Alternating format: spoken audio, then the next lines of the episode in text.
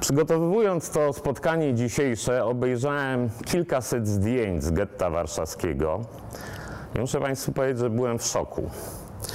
Do tej pory, jak oprowadzam kilka lat tutaj wycieczki, poświęcamy na getto 3 minuty, 5 minut, góra, wszystko. Ja spędziłem nad tym tematem ostatnie dwa tygodnie. Miałem taki pomysł, żeby zgrać te kilkaset zdjęć i puścić Państwu prezentację bez słowa, żeby sam obraz do Państwa przemówił. No ale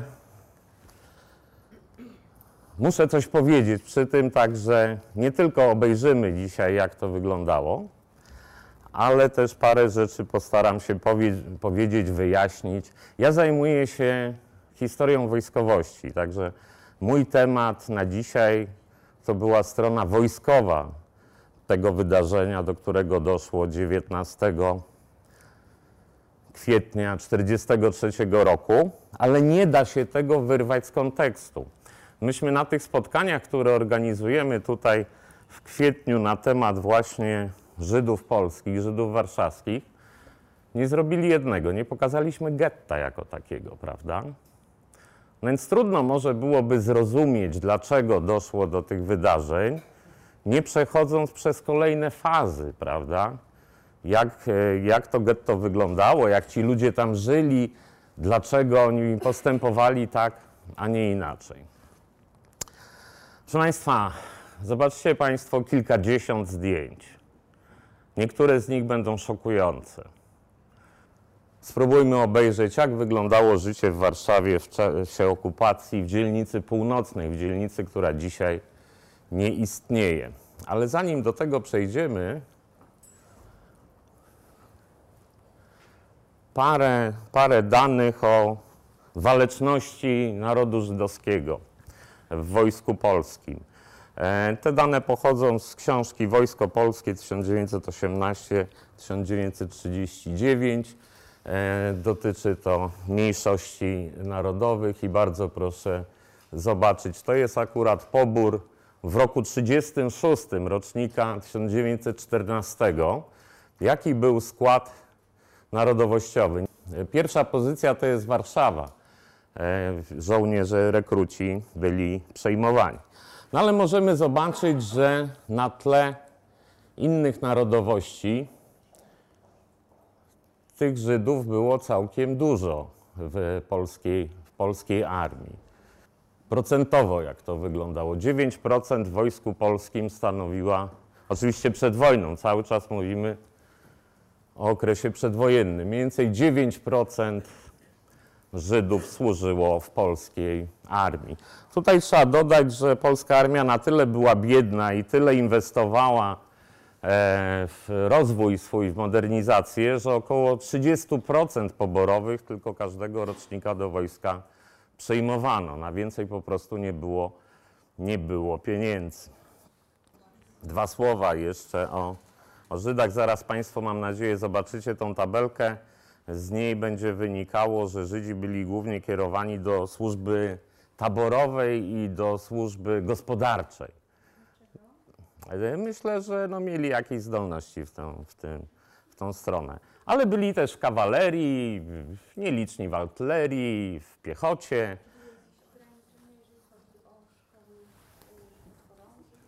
Nie, nie było żadnych ograniczeń dla mniejszości narodowych jeżeli chodzi o przyjmowanie do szkół e, na e, podoficerów i do szkół oficerskich. No gorzej było z Akademią Sztabu Generalnego, no bo tam praktycznie przyjmowano tylko weteranów legionów, prawda? E, chociaż zdarzali się też młodzi, ale to byli wychowankowie e, pułkowników, generałów. No, e, nie do pomyślenia było, żeby wodzem naczelnym był Białorusin, Żyd, prawda, czy Ukrainiec. No więc tutaj na tym najwyższym szczeblu oficerskim były pewne, pewne ograniczenia. No właśnie, tutaj możecie Państwo zobaczyć teraz to, o czym właśnie wspominałem, poszczególne okręgi, prawda, i ilość mniejszości e, w danych, w danych okręgach. A trzeba pamiętać, że przed wojną wyszedł na przykład e, zakaz E, przejmowania do wojska w tych okręgach wschodnich mniejszości z tamtego rejonu. Przerzucano ich na zachód, prawda? Tu z ciekawych, z ciekawych rzeczy, proszę Państwa, co mnie zaskoczyło, Poznań, proszę zobaczyć. Ilość Żydów, no jedna z największych w całej Polsce. W Toruniu też, prawda? A to nie są jakieś miasta związane, związane z kulturą żydowską, prawda? Bo to, że w Warszawie jest ich sporo, e, że w Grodnie jest ich sporo, że w Krakowie jest ich sporo, to jest, to jest normalne, ale Toruń i Poznań no, były dla mnie pewnym zaskoczeniem. Myślę, że dla Państwa też. E, Na milion sto tysięcy Polaków, którzy zostali zmobilizowani w 1939 roku, począwszy od połowy marca e, do pierwszych dni wojny, 150 tysięcy e, było właśnie ludności żydowskiej. Zabitych zostało w czasie walk lub zaginionych e, 1189 Żydów. Kilka tysięcy jeńców e, żydowskich Niemcy zwolnili już jesienią 1939 roku. Oni wrócili e, w listopadzie, w grudniu do domów i muszę Państwu powiedzieć, że no bardzo wzburzeni byli polscy żołnierze, którzy siedzieli w stalagach i oflagach dosyć długo. E, Potem, co prawda, tych ludzi wyłapywano, ale ci, którzy zostali w obozach jenieckich, a to byli głównie oficerowie wyżsi rangą, powiedzmy kapitanowie czy majorzy pochodzenia żydowskiego, okazało się, że dla nich to jest szansa przeżycia. W Stalagu 4B przeżyło 200 żydowskich oficerów e, wojny, którzy tam siedzieli do 1945 roku. No i e, Żydzi, którzy znaleźli się e, w niewoli sowieckiej, też ich było kilkanaście, kilkadziesiąt tysięcy. Niektórzy mówią 20, niektórzy mówią, że więcej. Trafili głównie do obozu pracy.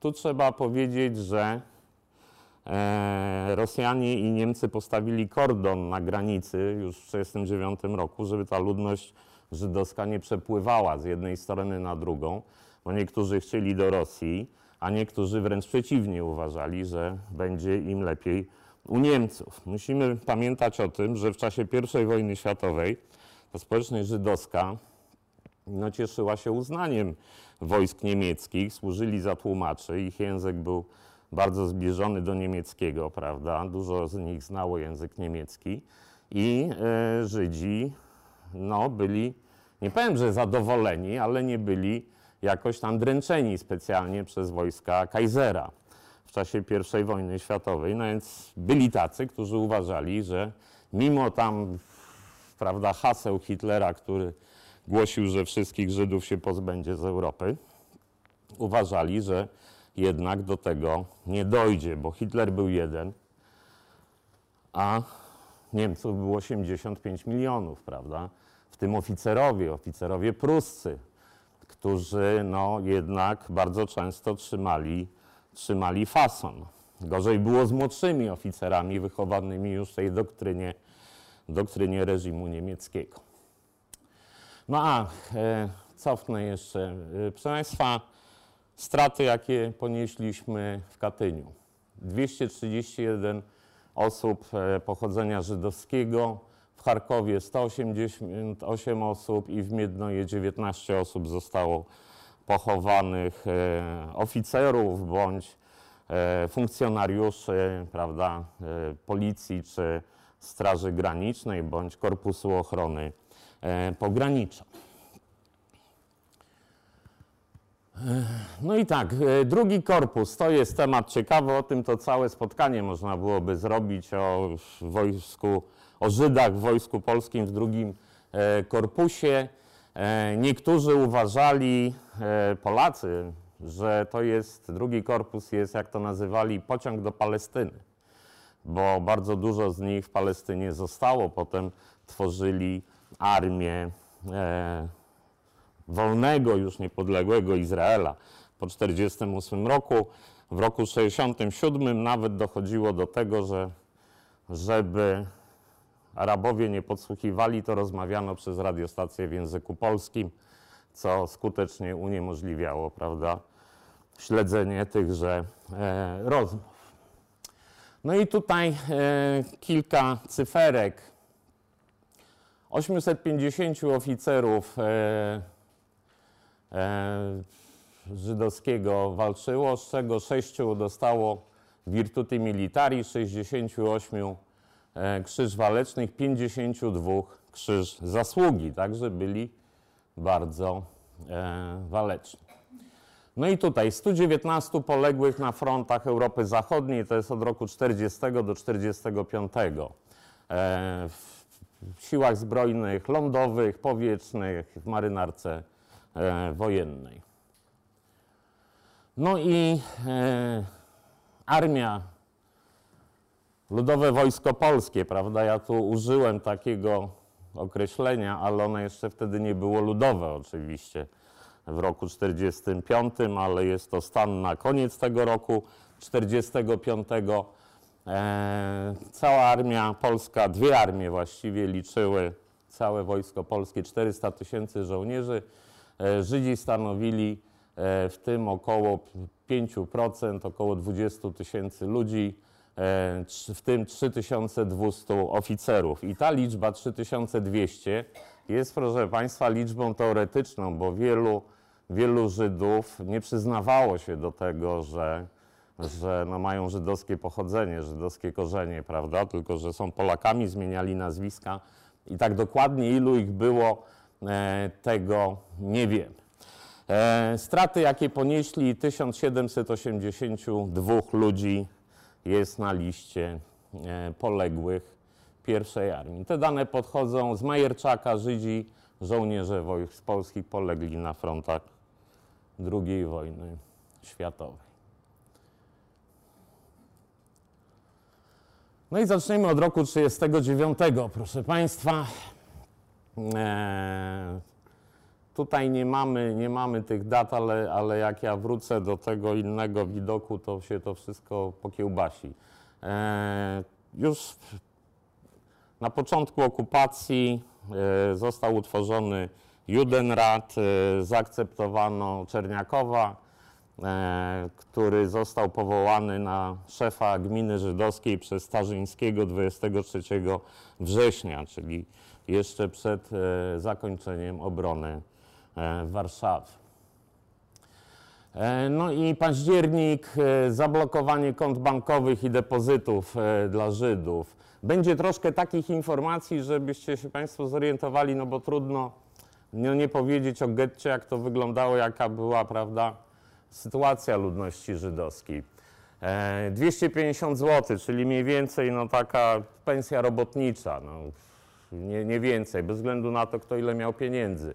No i można było posiadać 2000 zł.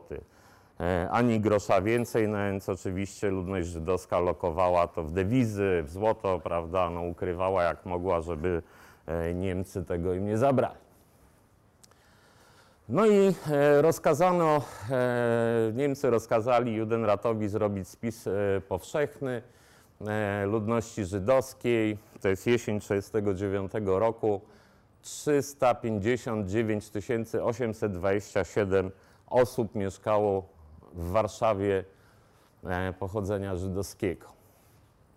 No i zaczęły się pierwsze przesiedlenia do Warszawy, to akurat z Rzeszy 90 tysięcy e, przesiedleńców jeszcze w 1939 roku, potem w 1940 roku będą napływali e, już z terenu generalnej guberni, tutaj z dystryktu warszawskiego. E, No i e, w listopadzie pojawiają się pierwsze druty kolczaste i tablice z napisami zaraza, wstęp dla żołnierzy wzbronionych. Chodziło tylko o żołnierzy niemieckich, prawda? E, No i też listopad, Żydzi powyżej 12 roku życia muszą nosić na prawym ramieniu białe opaski z niebieską gwiazdą Dawida, a wszystkie sklepy, przedsiębiorstwa muszą być oznakowane. Tu, tu do przedsiębiorstw jeszcze dodam Państwu, że tak polskie, jak i żydowskie były pod zarządem komisarycznym niemieckim. Każdy właściciel dostał swojego anioła stróża, który miał się opiekować takim przedsiębiorstwem. No i parę zdjęć teraz. To są nalewki jeszcze przed utworzeniem getta. To jest Plac Muranowski, gdzie się odbywały potem wydarzenia, te największe. Getto z lotu ptaka, czy dzielnica północna tu też. Niektóre zdjęcia są słabej jakości, ale, ale są no, dosyć ciekawe, także to jest y, podwórko na nalewkach, taka, taka studnia, prawda? No i przesiedlenia. Zostali Żydzi zwiezieni z całej Warszawy na teren dzielnicy północnej. No i w styczniu za, zaczyna obowiązywać e, zarządzenie o zakazie przesiedlania. E, też e, na początku roku 40 pozamykano wszystkie bożnice, synagogi, prawda, nawet w domach się nie pozwolono modlić, ale za to utworzono żydowską samopomoc społeczną, coś takiego jak nasze RGO. Po prostu rozdzielono te dwie funkcje. Niemcy chcieli wyizolować po prostu Żydów. To getto miało być no, jakby zupełnie inną częścią generalnej guberni, prawda? No i w marcu, proszę Państwa, 21 doszło do zamieszek, których e, no, padali e, ofiarą Żydzi, doszło do rozbojów, e, głównie polscy młodzi chuligani, którzy po prostu byli opłacani za pieniążki niemieckie. Niemcy prowokowali te zamieszki, chcąc w ten sposób przekonać Żydów, że przesiedlenie do dzielnicy północnej będzie jedyną rozsądną prawda, metodą, bo inaczej ich będą bili w innych dzielnicach e, Warszawy. No i w kawiarniach, restauracjach e, pojawiają się tabliczki zakazujące Żydom e, wstępu do tych lokali. No i kolejne mamy przesiedlenia, prawda? Ciągną majątek, dobytek z całej Warszawy. No i pierwsze te druty kolczaste, które powstają. Obszar zagrożony tyfusem. Tutaj mamy, znacie Państwo ten budyneczek, prawda? No i budowa muru rozpoczyna się e, wiosną, w kwietniu. Budowano ten mur od kwietnia do czerwca, czy tam do początku lipca. No i tutaj mamy oczywiście poobcinane, ale chociaż trochę Państwo zobaczycie, teren wydzielony, to jest e, ta żółta kreska, to jest pierwotny teren dzielnicy żydowskiej, prawda? Niebieska to jest już po pewnych zmianach, ograniczono wielkość getta, o tym też będziemy mówić, a ta czerwona kreseczka to jest to getto, którym my będziemy się interesowali w kwietniu 1943 roku, czyli podczas no, powstania. E, no i ilość ludzi, która się przemieszczała, 23 e, tysiące zwoli, prawda? No, zobaczcie Państwo, można zobaczyć też, które dzielnice były e, najbardziej, najgęściej zamieszkałe. Praga, na Pradze Południe w ogóle Niemcy chcieli getto zrobić, bo też była taka koncepcja w marcu jeszcze 40 roku, żeby utworzyć dwa getta. Jedno w dzielnicy północnej, no bo tam jednak gro Żydów mieszkało, a drugie na Pradze Południe, żeby tych ludzi no, no nie przesiedlać tak w te i we w te, prawda? No ale postanowiono jednak zrobić jedno duże, duże. 307 hektarów, proszę Państwa. 10 osób w jednej izbie mieszkalnej statystycznie. Jedna rodzina, jedno łóżko. No i rok 40 nam się zaczyna. I początek e, budowy murów to jest, tak jak powiedziałem, kwiecień 40 roku. E, oczywiście Judenrat musiał to sfinansować, e, zatrudnić swoich murarzy, prawda? To była sprawa Judenratu. No. E, no i lipiec, e, czerwiec, lipiec to jest zakończenie budowy muru, ale getto jest jeszcze otwarte. Te bramy są jeszcze otwarte, prawda? Jeszcze można się e, przemieszczać. No i tutaj zarządzenie niemieckie dotyczące tego, że Żydzi muszą przenosić się z dzielnicy niemieckiej, czasowo mogą jednak pozostać w dzielnicy e, polskiej. Ale czasowo, prawda? No i e, w pierwszych dniach września taki ciekawy tramwaj, bo tramwaje w Warszawie wszystkie były czerwone, a wyjechał tramwaj żółty e, z gwiazdą Dawida. Zresztą te sprawy tramwajowe tam się wielokrotnie zmieniały. Skończyło się na tym, że Żydzi musieli sobie zrobić tramwaje kodne i, i, i tak jak w XIX wieku konikami jeździć. No i Fischer podpisuje zarządzenie o utworzeniu getta. To jest 20 październik, 12 październik ogłoszone. To zostaje przez szczekaczki, megafony na e, ulicach e, Warszawy.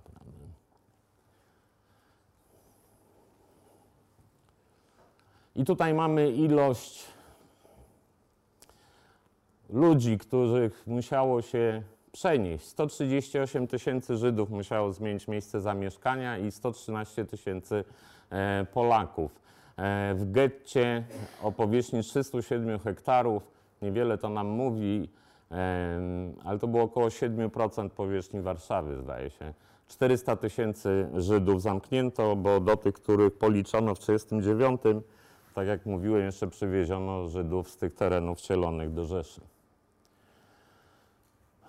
No i tutaj e, powstaje e, już na początku 40 roku e, archiwum Ringelbluma, które no, przez cały czas archiwizowało to, co działo się w getcie. Zresztą, jeżeli chodzi o sprawy wojskowe, a to przy wojskowych będziemy, to będę opowiadał o archiwum.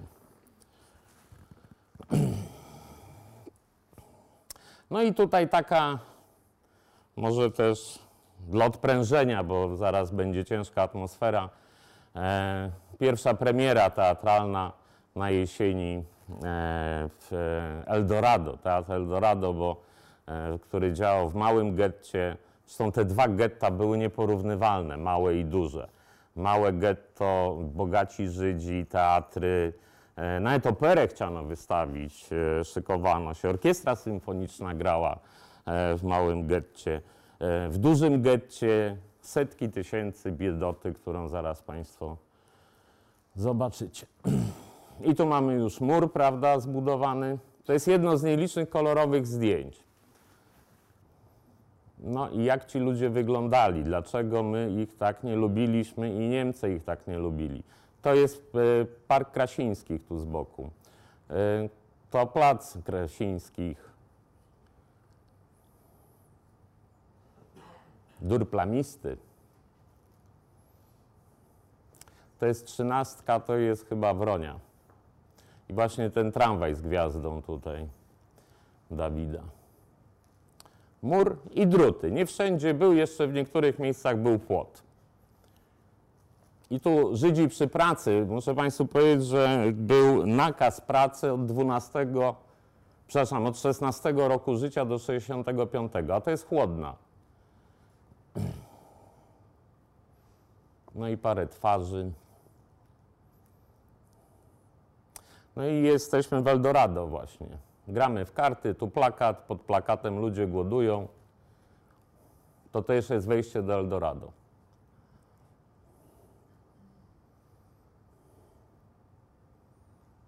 Strzyżenie Żydów to zabawa Niemców na, na bramach. No i handel oczywiście, który, który rozwijał się wszędzie. Ale już zaczynają się takie scenki, liczenie, prawda, ofiar. To jest karawan na ulicy Smoczej 14 przed zakładem pogrzebowym. Służył do przewożenia właśnie ciał na stadion Skry, proszę Państwa. Tam chowano, tu jeszcze macewy stawiano, także to jest jeszcze, jeszcze początek.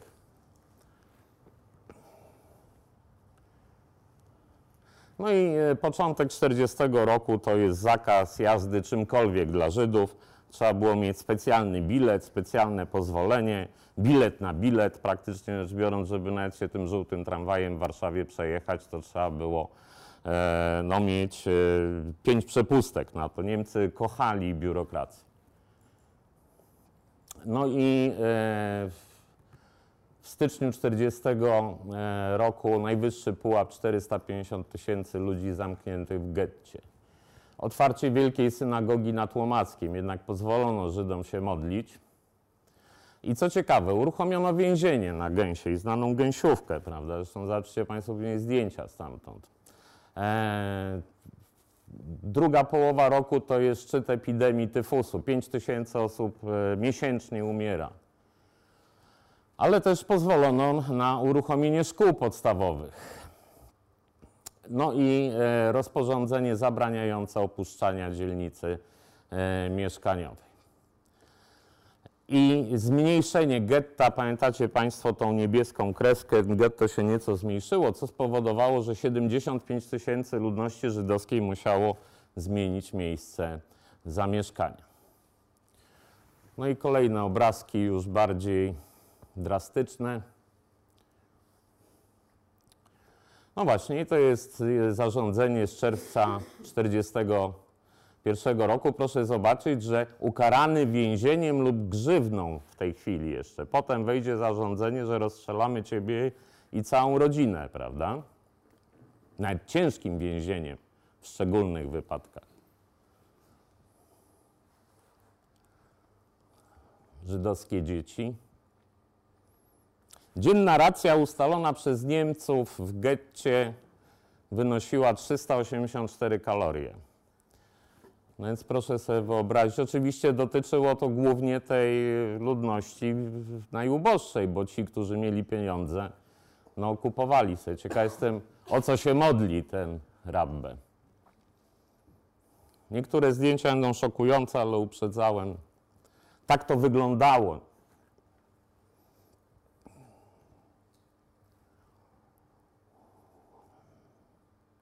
Szacuje się, że około 80, może do 100 tysięcy ludzi zmarło z głodu, z wycieńczenia, chorób, prawda, wywołanych głównie głodem. Jak widzimy, tutaj nie ma tłustych zwłok. I zupełna obojętność. To, to, na to niech Państwo zwrócą uwagę. Pełna, ludzie sobie chodzą, handlują, a tu człowiek leży, prawda, nieżywy i czekamy na to. O tu pewnie jeszcze ten pan nie umarł do końca, albo pani. No. I to właśnie zobojętnienie, to się po wojnie nazwano kacet syndrom. To wtedy jeszcze tego nikt nie znał, ale już wtedy w getcie e, lekarze żydowscy zaczęli e, pracować nad zjawiskiem głodu. Pierwsze polskie badania nad głodem właśnie były prowadzone w roku 1941 w warszawskim getcie przez żydowskich lekarzy. E, gdzie myśmy byli w 41? W drugim już, tak? No właśnie, ja nie patrzę na ekran, a... No i e, tutaj chodzi o getto wileńskie, proszę Państwa. 42 rok e, to jest pierwsze, pierwsze rozruchy. Styczeń 42 roku do Warszawy przychodzi pogłoska, plotka, że e, w Nowogródku, w getcie tamtejszym wybuchło powstanie, uciekli Żydzi, e, założyli oddział partyzancki. I to wpływa na to, co dzieje się, prawda, wśród młodych tych naszych przyszłych bojowników. Oni zaczynają wtedy myśleć. No i luty, konferencja w Wanze pod Berlinem, na której wierchuszka SS no, podejmuje decyzję o tak zwanym ostatecznym rozwiązaniu. Kwestii żydowskiej oczywiście. No i pierwszy ten e, mostek, tych mostków było kilka, cztery bodajże w getcie warszawskim, ale ten najbardziej znany na Chłodnej. To jest dopiero 42 rok, wiosna, marzec. E, no i e, pierwszy transport skierowany do Treblinki, ale jeszcze nie do komór gazowych, tylko do budowania Treblinki. Proszę Państwa, ludność żydowska Warszawy, właściwie cieśle, murarze, sami to, ten obóz zagłady w Treblince e, zbudowali. Były dwa obozy, Treblinka 1 i Treblinka numer 2. W dokumentach niemieckich jest ona określona jako T2. To był obóz zagłady. Tam nie było w ogóle pomieszczeń żadnych do przetrzymywania ludności żydowskiej, tylko komory gazowe i koparki, które wykopywały doły, prawda, żeby tych ludzi tam wrzucić, spalić i zasypać e, ziemią. Obóz e, T1 położony obok e, to był obóz dla obsługi, e, dla Żydów, którzy tam e, pracowali i e, obsługiwali prawda, tą drugą fabrykę śmierci, ale obydwa obozy zostały zbudowane w 1942 roku przez warszawskich Żydów. Stąd też informacje, które napływają do Judenratu, prawda, co oni tam budują, co, co, co tam się dzieje, bo tych ludzi nie mordowano, oni po pewnym czasie do getta warszawskiego powrócili. No i przekazali informację, Właśnie jaką to niespodziankę e, szykują Niemcy. No i tu mamy 4 tysiące bardzo biednych Żydów. Nie mówię biednych pod względem finansowym, bo może oni finansowo najgorzej nie stali, ale zostali wyrwani ze swoich środowisk, czyli z miast niemieckich i przywiezieni tutaj, wrzuceni w tą biedę, prawda, w te trupy na ulicach, w ten głód e, smród, e, brud, no bo, bo jak jest głód, to jest i brud, no tego się nie uniknie. E, 4000 Żydów niemieckich. E, no i 22 lipca 1942 roku, początek Grossaktion Warschau, jak oni to nazwali, oni, znaczy Niemcy, prawda? Czyli wysiedlenie. Zrobili to w sposób następujący. E, Przyszła grupa Niemców do Judenratu, przedstawili odpowiednie dokumenty, że codziennie Judenrat ma odstawić 6,5 tysiąca, 6 do 7 tysięcy e, Żydów do transportu, do przesiedlenia na wschód. Oczywiście nie mówiono słowa Treblinka, nie mówiono słowa Zagłada. E, Mówiono, że pojadą do, na tereny Rosji Sowieckiej i tam będą będą pracować, prawda? No ale tak jak już wiemy, e, Judenrat doskonale zdawał sobie sprawę, do czego Treblinka służy, bo sam Treblinkę wybudował. No i 23 lipca następnego dnia szef Judenrat, tu pan Czerniakow popełnia samobójstwo. E, Napisał dwa listy. W jednym do rodziny, że nie może zrobić tego, czego wymagają od niego Niemcy. Drugi taki bardziej manifest polityczny, ale, ale generalnie ta śmierć przeszła w getcie niezauważona. Nikt z tego nie wyciągnął żadnych wniosków, nie zrobiono, nie nagłośniono tego, prawda? E, także no może była to śmierć daremna, ale on nie wyobrażał sobie, że może, może postąpić inaczej. Proszę, mam pytanie. Można? Tak? A ja nie rozumiem, ten Judenrat to jest to samo co policja żydowska? Nie, nie, nie. Do policji żydowskiej zaraz dojdziemy. Judenrat to jest zarząd gminy żydowskiej, który funkcjonował i przed wojną. Niemcy dalej to, prawda, e, kontynuowali pracę zarządu gminy żydowskiej, tylko do końca września 1939 roku nazywało się to Zarząd Gminy Żydowskiej, a od 29 września, odkąd Niemcy weszli do Warszawy, nazywało się to Judenrat po niemiecku.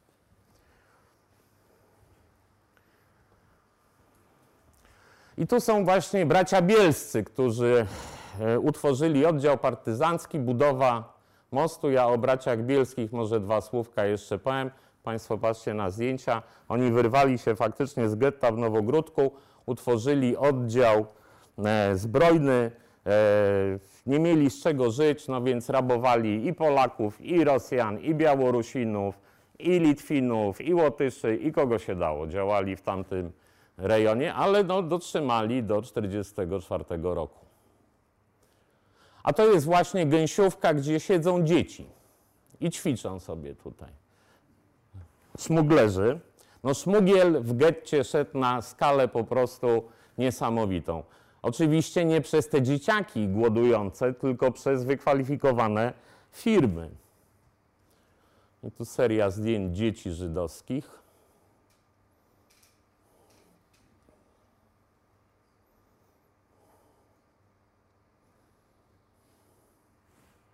No dramat, proszę Państwa, niesamowity. Ja przygotowując ten spotkanie dzisiejsze naprawdę popadłem no, w ciężką depresję, jak oglądałem, bo tu jest część tylko tego, co, co obejrzałem.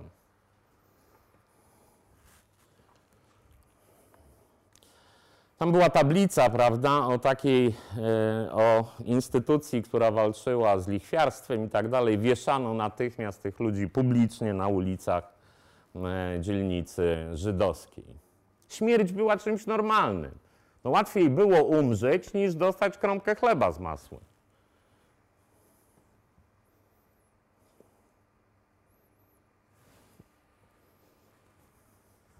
To jest po prostu nieprawdopodobna rzecz, która się działa za tym murem. W Warszawie, proszę Państwa.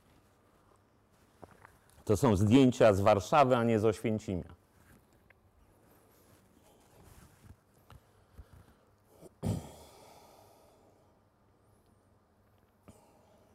Takich wózkach wywożono na skrę. Na skrze już nie stawiano macew, tylko koparki doły kopały i po prostu wrzucano, prawda, tych ludzi do dołów, no to akurat łopatami. No proszę zobaczyć, ten dół, no, koparka musiała wykopać. Wrzucano tych ludzi do dołów i... No i to jest e, na temat policji żydowskiej. Okrucieństwo policji żydowskiej było bardzo często większe niż Niemców. I to no, autorytet wypowiedział Ringelblum, prawda? ten właśnie twórca archiwum. O, tutaj nie widzimy. Ten policjant żydowski niesie zwłoki dziecka. Tutaj też jakiegoś małego szmuglera złapano. No i mamy sekwencję zdjęć, to jest, no zaraz będę mówił o tym panu. Józef Szereński, komendant policji, niestety nie, może mi się uda. O, udało mi się przełączyć bez zgubienia slajdu. To jest Szereński. Proszę Państwa, nie mogłem znaleźć jego zdjęć żadnych. On albo stoi tyłem, albo siedzi zasłonięty. E, jakoś nie, nie lubił się fotografować. E, nigdzie, na Wikipedii, w komputerze, no, w książkach, nigdzie nie ma jego zdjęć. Udało mi się znaleźć jakieś jakiejś imprezy właśnie policyjnej i to jest pan pan Szeryński. Pan Szeryński był Żydem, e, przechrzcił się, pracował w Komendzie Głównej Policji, był zastępcą komendanta e, wojewódzkiego w Lublinie. Tam też był aresztowany na początku wojny, potem został zwolniony i z córką przeprowadził się i z żoną do Warszawy. I co ciekawe, zajmowali jeden pokój w takim, w takim dużym mieszkaniu, w którym mieszkało ileś tam rodzin. Szeryński zajmował jeden pokój, chociaż miał prawo do zajęcia całego mieszkania, no ale jakiś, był to dziwny facet, bo z jednej strony kat getta, a z drugiej strony, proszę Państwa, e, właśnie takie objawy, będę mieszkał z żoną i córką w jednym pokoju, niech inni też, prawda, mieszkają, a mógł żyć jak, jak król e, w getcie. E, no i tutaj ciekawostka. 1 maja 1942 roku Niemcy posądzili go o handel futrami i został uwięziony na gęsiówce, e, dostał karę śmierci, no ale wyrok odroczono. E, pewnie Niemcy już wtedy przygotowywali się do e, akcji. Tak ja sobie to tłumaczę, może Państwo znacie inne, inne jakieś tam wersje. Niemcy przygotowując się do E, dużej akcji po prostu przetrzymali Szeryńskiego parę miesięcy w więzieniu, zasunęli mu wyrok śmierci, no i każdy z takim wyrokiem to się zgodzi na wszystko, prawda? I potem powiedzieli mu, wyjdziesz, chłopie, ale masz mi to getto zlikwidować. No i 26 lipca 1942 roku Szeryński wychodzi właśnie pod warunkiem objęcia dowództwa nad dalszą likwidacją e, getta. No i skazany został przez śmierć przez organizacje e, bojowe, organizacje bloku antyfaszystowskiego. Taki, taki wtedy się zawiązywał, prawda? To jeszcze było za wcześnie na żydowski, żydowską organizację bojową. No i próbowano go zastrzelić, dostał dwie kule w e, głowę, jedną w szyję, drugą w twarz. Miał rozbitą szczękę, ale przeżył ten e, zamach. No i e, po wydarzeniach styczniowych w 1943 roku, tam przez 4 dni, 3, 3,5, no, e, doszło do, do strzelaniny na ulicach, ale o tym za chwilę. E, po tych wydarzeniach no pewnie znów ta jego druga natura się odezwała, prawda, że, że znów dostanie rozkaz pacyfikacji i, i popełnia samobójstwo. Uda nam się wrócić? O jest, nie udało nam się wrócić. No dobra, to już pojedziemy tak. No, no to proszę Państwa. Do bani te komputery są. Muszę teraz przelecieć to wszystko. No.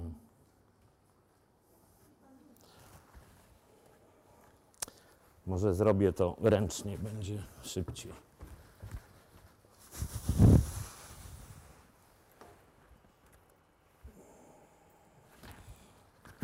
Przepraszam bardzo Państwa za te problemy.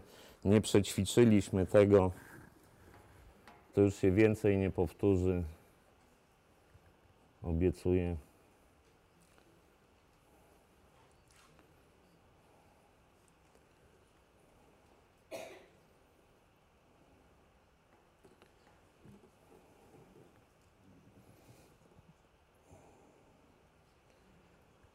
Rok 42.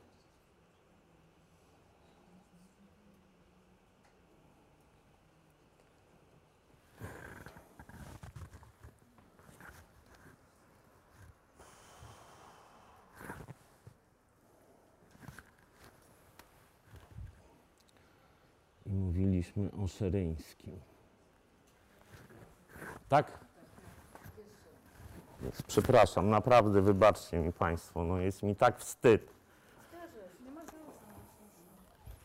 Gdybym wiedział, że, że, że to jest niedopasowane, bo to jest problem w ustawieniu tego rzutnika na górze, e, to, to, to bym zareagował wcześniej, ale na ostatnich zajęciach było, było ok.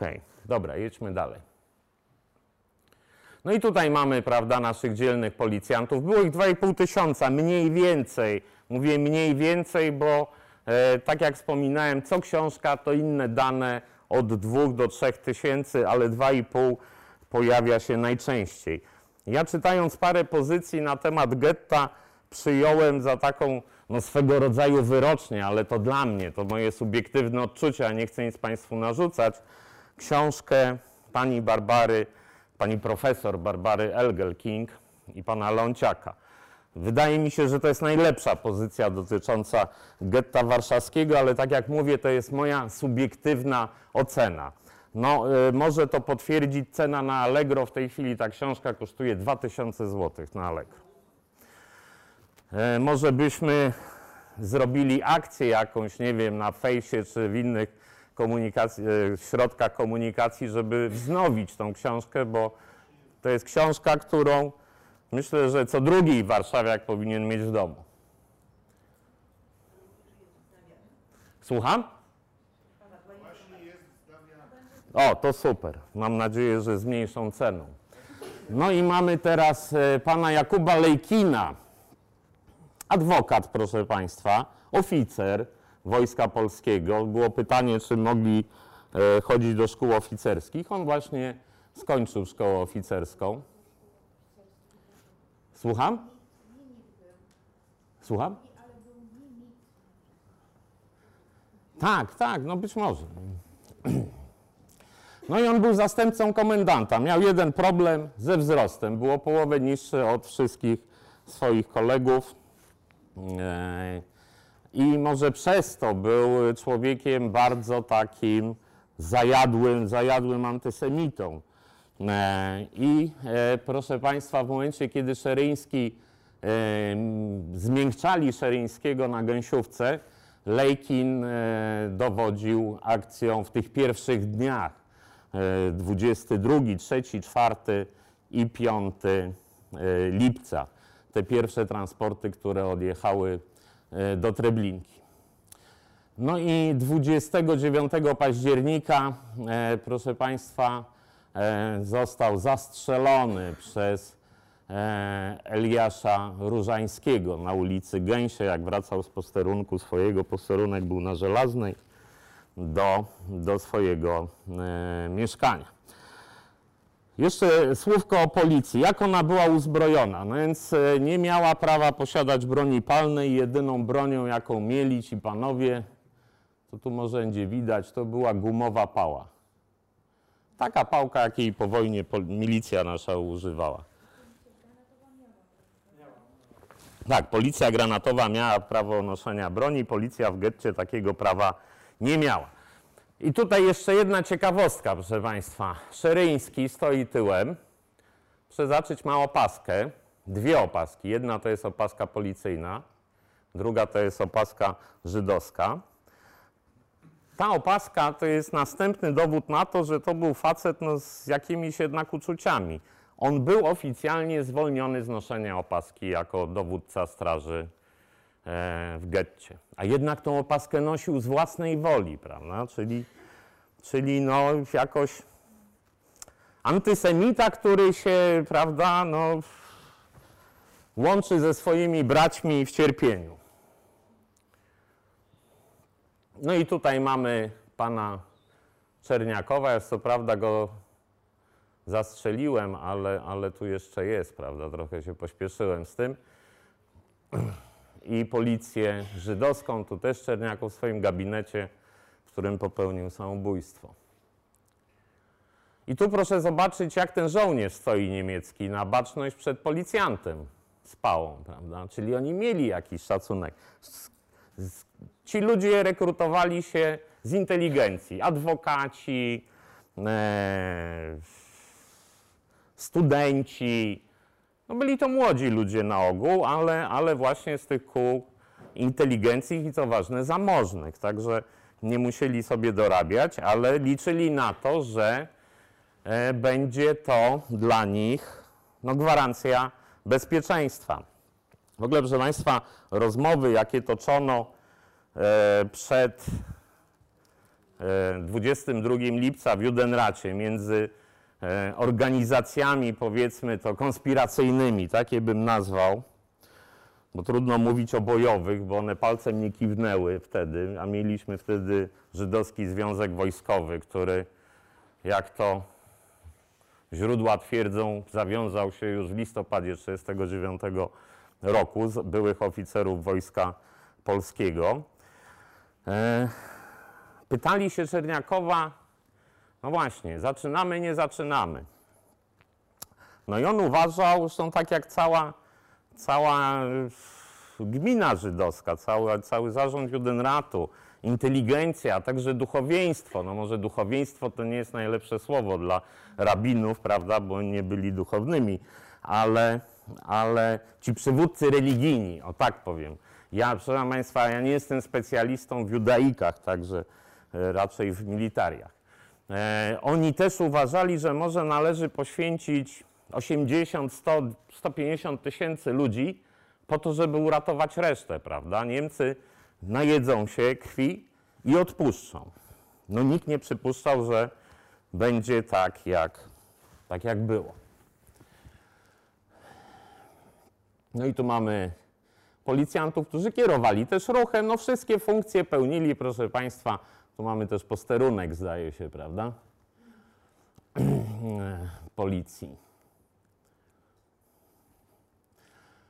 Pilnowali w fabrykach robotników, żeby, żeby nie uciekali, prawda, żeby się nie rozłazili, bo łatwiej było wyłapać jakąś tam fabryczkę, chociaż e, z drugiej strony fabryki to były jedyne chronione miejsca e, w getcie warszawskim, co zaraz Państwo zobaczycie. E, tutaj mamy obławę policji żydowskiej.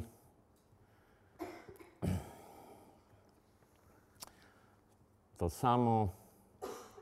O właśnie, i tu mamy, tu mamy kolejeczkę, bo e, wydano zarządzenie, że kto pracuje w szopie, prawda, dla Niemców, to nie będzie podlegał deportacji. No Więc te kolejki się ustawiały po prostu kilometrami, największe kolejki w Warszawie, bo to była kartka zatrudnienia, to była kartka na życie po prostu wtedy. Bo oficjalna to jest właśnie kolejeczka. Nie, to, słucham? To jest początek wielkiej akcji. No już po 22 lipca. No, wywozimy nierobów, brudasów, prawda? E, I warchołów. No. A ci, co mają pracę, mają gwarancję przeżycia. I tutaj badania lekarskie, bo trzeba było przejść badania, żeby dostać kartę pracy. No i jeden z shopów, prawda, jakiś krawiecki. Ale wtedy też powstawały małe przedsiębiorstwa, przedsiębiorstwa, które e, no jedna maszyna do szycia, prawda, rejestrowano firmę i, i dostawano już tą kartę, kartę pracy. A tu mamy Umschlagplatz, e, którego pilnują już Niemcy z bronią. Tam e, ta policja żydowska zapędzała e, swoich pobratymców, e, no i oni tam czekali na załadowanie do transportu. Były duże kłopoty oczywiście, żeby złapać mniej więcej 7 tysięcy. Ja mam listę przewozową do Treblinki dzień po dniu. To 7 tysięcy do pociągu wchodziło Żydów. I proszę Państwa, stąd można było wyjść, jeżeli ktoś miał pieniądze. W jednym z tych budynków, ja teraz nie powiem Państwu, czy w tym, czy w tym, był szpital. I tam e, lekarze, pielęgniarki, personel techniczny przynosił masowo białe fartuchy i za odpowiednią płatą taki fartuch można było kupić i e, z tego szpitala wyjść. To było takie przejście jak w sądach, że jedna strona była na stronę aryjską, druga była na stronę getta. Tutaj była na stronę getta jedna i druga strona, prawda? Tylko ta strona to już był koniec. Po tamtej stronie tego płotu no było życie, wolności nie było, ale życie, życie było. No i kolejne obrazki z Umschlagplacu i ładowanie ludzi na, do pociągów, prawda, którzy pojadą do, do Treblinki. No i między 22 lipca, proszę Państwa, a 12 września wywieziono z Warszawy 310 tysięcy ludzi, ale co ciekawe, w tych listach przewozowych, o których Państwu mówiłem, a wyciągnąłem je e, z Rady, musiałbym popatrzeć, Rada Ochrony Pamięci, tak? Coś takiego. Tam e, jest cyfra 250 tysięcy, z czego wniosek, że około 60 tysięcy trafiło do innych obozów, do takich obozów jak Poniatowa, Trawniki czy Majdanek, bo e, wywożono też e, właśnie Żydów w kierunku Lublina i tam te trzy obozy się znajdowały. Poniatowa i Trawniki to były obozy pracy. E, Majdanek, no to wiemy, obóz koncentracyjny.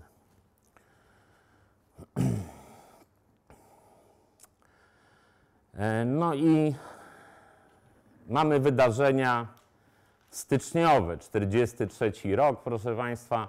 Rano 18 stycznia do getta wchodzi 200 Niemców i 800 Łotyszy.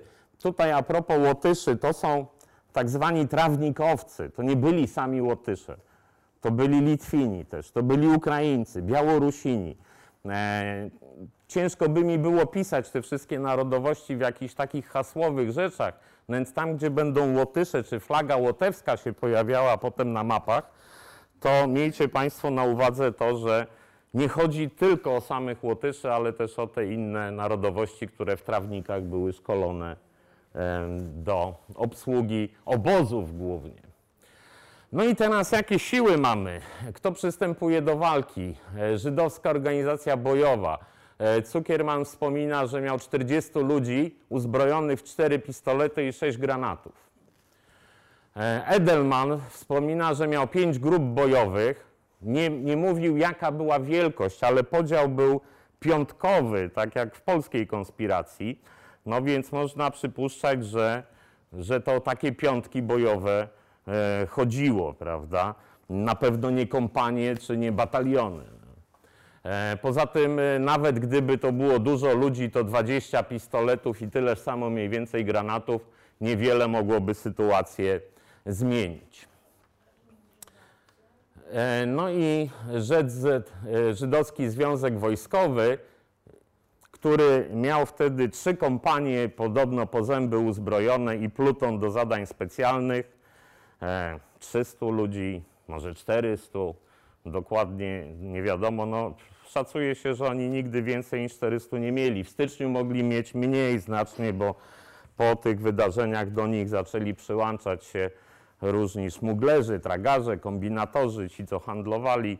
Więc to jest taka organizacja, tak mi się wydaje, podkreślam, wojskowo-handlowa.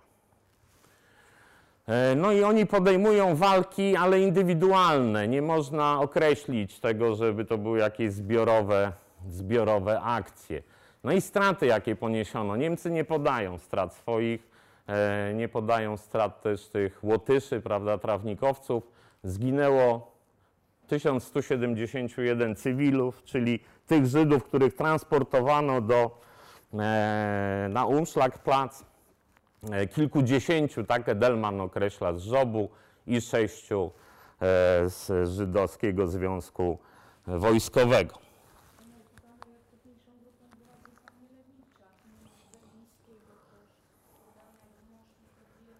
Tak, tylko koleżanka, koleżanka Zofia tydzień temu opowiadała o Anielewiczu, Cukiermanie, Edelmanie, no więc ja o nazwiskach nie będę opowiadał.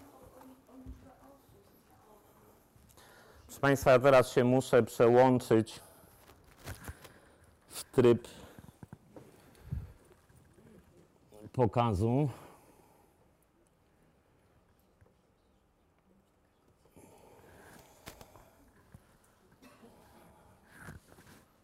To przelecimy raz, dwa. Nie będzie całego, ale może będzie za to ciekawie.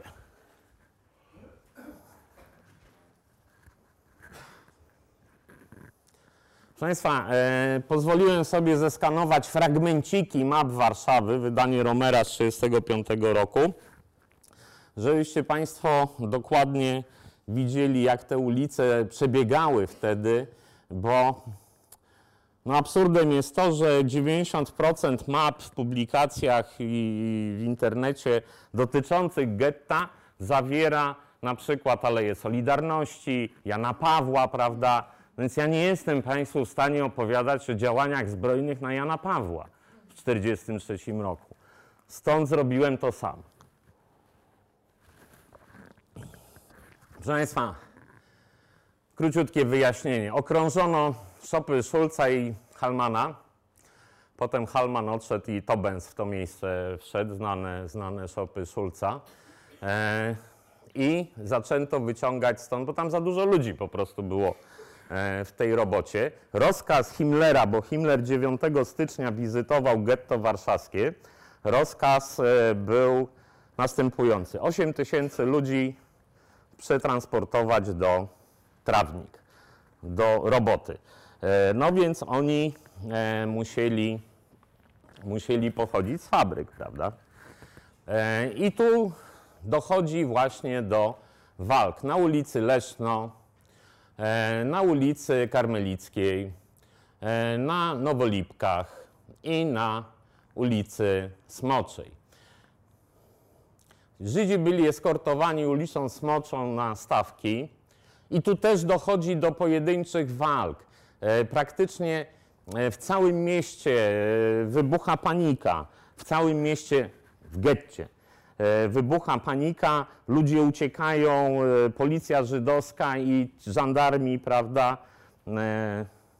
Ach, nie powiedziałem Państwu o policji żydowskiej jeszcze jednego ważnego słowa. Mówiłem, że to był glejt na życie. Okazało się, że nie do końca, bo z tych 2,5 tysiąca ludzi dwa- 2250 odjechało ostatnim wrześniowym transportem do Treblinki.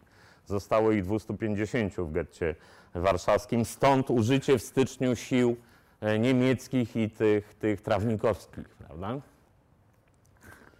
No i dochodzi właśnie do, do, do tych zdarzeń, e, do walk, e, głównie na tych ulicach.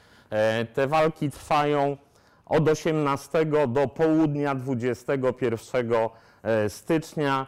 E, Udaje się wywieźć Niemcom 6,5 tysiąca osób. 6 tysięcy, przepraszam, pomyliłem się. 6 tysięcy osób, czyli nie wykonano planu o 2000 osób, ale 1200 prawie zastrzelono, prawda? Także, także no w cyferkach Niemcom się to prawie że zgadzało. Ale jak reaguje ulica, jak reaguje młodzież żydowska, bo pamiętajmy, że po e, dużej akcji zostało około 30-35 tysięcy młodych, sprawnych e, żydowskich robotników, no ale też zostali ludzie, którzy się albo ukryli, albo ich rodziny, prawda, które oni też jakoś tam zamelinowali, bo już od połowy, od lipca 1942 roku, jak Żydzi zorientowali się, co się dzieje, zaczęli e, szykować, prawda, odpowiednie bunkry i chować się. Także około 65-70 tysięcy ludzi w getcie e, w roku 1943 przebywało i wpadają w euforię, że można Niemców pogonić, bo, bo oni w południe 21 stycznia odpuścili, wycofali się, prawda, nie wykonując jakby planu. Znaczy, oni swój plan może i wykonali, tylko ta e, społeczność żydowska, ci bojownicy nie wiedzieli o tym, że, że ten plan był taki mały, prawda, że tylko 8 tysięcy osób miało być wywiezionych, bo no myśleli, że to jeżeli Niemcy się za to biorą już, to że będzie to akcja na masową skalę i wszystkich Żydów po prostu e, z getta warszawskiego wywiozą. Także euforia, można się obronić, można strzelać do Niemców. Mieli broń krótką. E, Tam e, w tych wypadkach styczniowych jest opis Mendelssohna, że na rogu Smoczej i e, Nowolipek użyto RKM-u, prawda, tego Żydowskiego Związku Wojskowego. No ale to mówię, to są wspomnienia, na to nie ma żadnych dokumentów, co jest niestety wielką bolączką i tutaj no też tego nie ma całego, ale o tym mówiła koleżanka tydzień temu. Ja tylko dla przypomnienia bardzo krótko, bez zdawania się w szczegóły. E, W Szpitalu Wolskim w 1939 roku powstaje pierwsza organizacja oficerów właśnie żydowskiego pochodzenia. Tam niejaki Wdowiński. Ja to zmniejszę na chwilę żeby Państwu to pokazać dobrze, a potem, potem przejdziemy, przejdziemy dalej. Proszę Państwa, kto wchodzi do tej organizacji? No na początku jest to 10-20 y, żołnierzy, e, byłych oficerów Wojska Polskiego, mają 24 wisy, e, no i zaczynają handlować e, w 40 roku, jak getto zostaje zamknięte e, z gettem. I tu jest to, to drugie tło właśnie, o, którym, o którego ja nie chciałbym za bardzo rozdrapywać, prawda? E, No bo mówimy zawsze o patriotycznych postawach, a nie o jakichś tam innych. Ale, no ale to było, no nie wszyscy byli klarowni. E, Nie wiemy też na jaką skalę, bo cztery osoby z e, Żydowskiego Związku Wojskowego wojnę przeżyły, które w swoich relacjach nie wspominały o pewnych wydarzeniach. Dopiero w 1962 roku nagle, prawda, olśniło ich na przykład o wielkiej bitwie na Placu Muranowskim 27 kwietnia, ale o tym dojdzie, do tego dojdziemy. Proszę Państwa, e, przyłącza się Betar. E, oj, oj, oj, oj, za daleko się cofniemy. Z Hrubieszowa przyjeżdżają. W niektórych e, książkach e, są stwierdzenia, że w ogóle Żydowski Związek Wojskowy to byli ci e, betarowcy z Hrubieszowa, prawda? Że ci z Warszawy to, to, to, to, to, to jest jakaś legenda, że jak było naprawdę, tego nie wiemy. To w Jadwaszem ktoś musi napisać jakąś białą księgę historii warszawskich Żydów i wtedy będziemy mieli konkretne źródło. No i po wydarzeniach styczniowych przyłączają się do Żydowskiego Związku Wojskowego szmuglerzy, ja to wziąłem w cudzysłów, ale byli to ci wszyscy zaradni, powiedzmy, prawda? Nie ci, którzy pracowali sobie w szopach e, u Tobensa czy innych, tylko ci, którzy żyli na własną rękę, tak zwani dzicy, którzy właśnie handlowali ze stroną aryjską, e, przełazili przez ten mur, przekupywali strażników, e, no bo korupcja była po prostu na skalę gigantyczną. Tutaj, jeżeli chodzi o żydowską organizację bojową, koleżanka Zofia mnie za chwilę zagryzie. Mamy poszczególne organizacje, które się scalały. I w 1942 roku, w marcu, powstaje blok antyfaszystowski i organizacja wojskowa tego bloku, co jeszcze nie nazywało się Żydowska Organizacja Bojowa. Organi- Zuckerman podawał, że przed wielką akcją miał jeden pistolet na całą tą organizację. No więc e, zaczyna się dopiero montowanie tego. W październiku przyłącza się bunt z Edelmanem. No i statut zostaje sporządzony 2 grudnia i tam się pojawia nazwa Żydowska Organizacja Bojowa.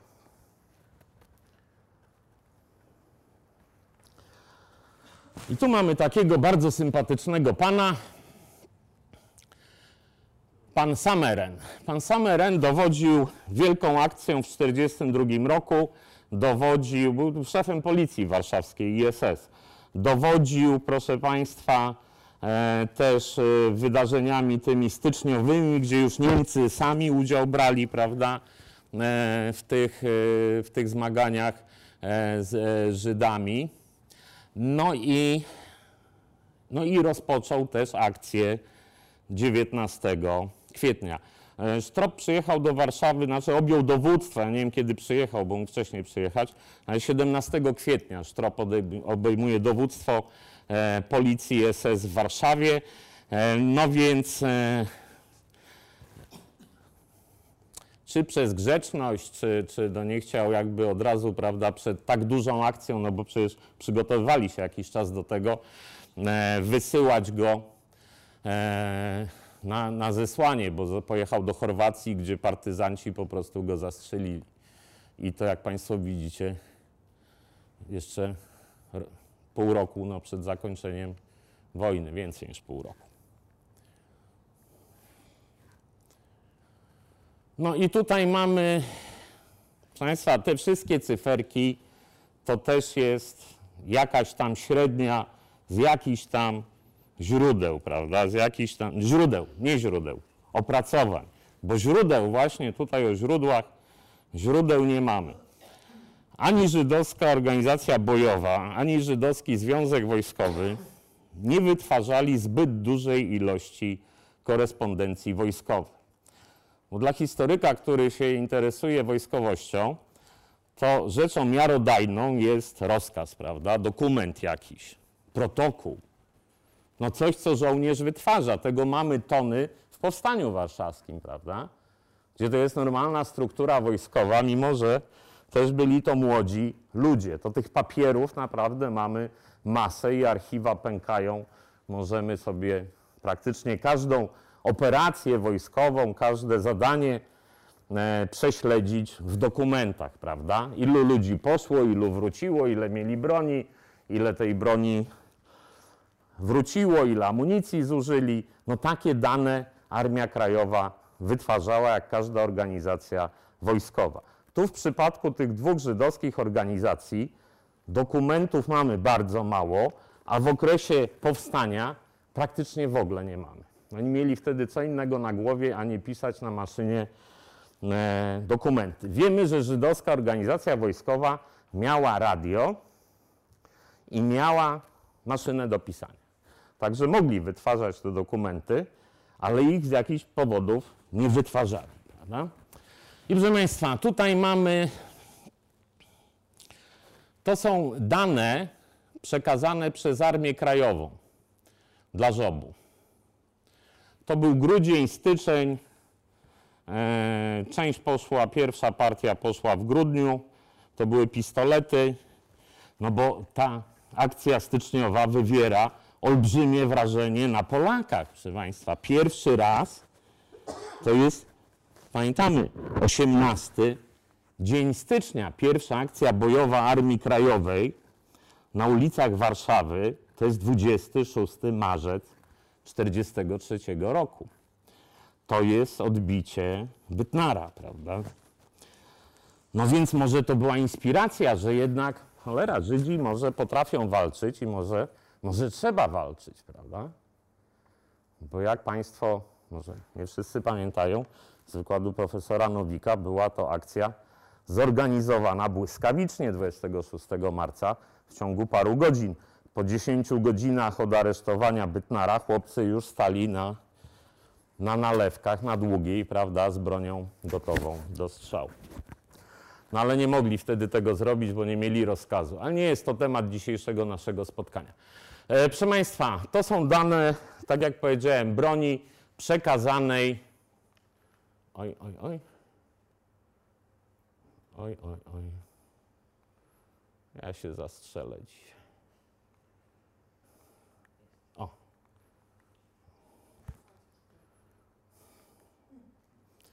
To stres, materiału jest dużo, koleżanka mi w kółko pytania zadaje, prawda, trudne. Dobrze. Proszę Państwa, tutaj w tym wykazie, jeżeli popatrzymy na, na to, co napisał, bo właśnie, jest dokument na przekazanie broni Żobowi, Weber to napisał, który był szefem sztabu Okręgu Warszawskiego i przekazał dwa ręczne karabiny maszynowe, których nie ma na stanie żobu. Więc nie wiadomo, czy oni nie przehandlowali tych karabinów na przykład żydowskiemu związkowi wojskowemu, bo oni mają takie karabiny i to całkiem, całkiem sporo. E, Ringenblau, Te dane z Żydowskiego Związku Wojskowego są skąd? e, te dane są konfrontowane z dwóch, głównie z takiego starego dzieła Marka Powstanie w getcie warszawskim. Ono jest takie lekko lewicujące, ale, ale może być. No. I proszę Państwa, usytuowanie organizacji. Znów mi to uciekło. E, tutaj mamy, są strasznie małe guziki w tym pilocie. E, Zamenhofa, Róg Miłej. Pierwsza grupa e, żobu. Druga grupa żobu, gęsia 2, nalewki 31. No i trzecia grupa z Edelmanem, tylko to była grupa, która tak zwanych szczotkarzy e, zatrudniała, najmniejsza z tych grup. E, w szopie właśnie szczotkarzy przy e, Świętojerskiej. No i Plac Muranowski 7, to jest budynek tutaj już praktycznie na Muranowskiej, narożny. E, zajmuje Żydowski Związek Wojskowy. E, Do tego oczywiście jest jeszcze trzecia grupa, która jest tutaj nieuwidoczniona, tak zwany dzicy. Bo szacuje się, że tych ludzi było około tysiąca, prawda? To też są szacunki od do. A e, w sumie drugie tyle podobno było dzikich, którzy mieli jakąś tam broń. Nie zawsze to była broń palna, czasami to była butelka z benzyną, bo tych bunkrów były setki. E, W tych bunkrach ukrywało się, proszę Państwa, no prawie 60 tysięcy ludzi, prawda? Ponad 60 tysięcy. Także szacuje się, bo też są różne szacunki. E, Spotkałem się z takimi opracowaniami, gdzie szacuje się dzikich, w cudzysłowie oczywiście, czyli tych niezrzeszonych, na 6 tysięcy. No ale to jest chyba drobna, drobna przesada.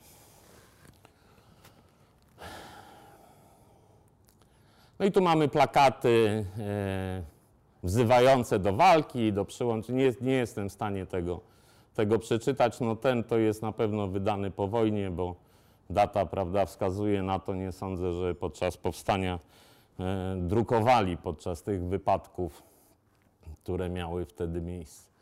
Dobrze, ja na chwilę cofnę, bo Ja się tu narobiłem, proszę Państwa, a tu nic się nie dzieje nam na ekranie.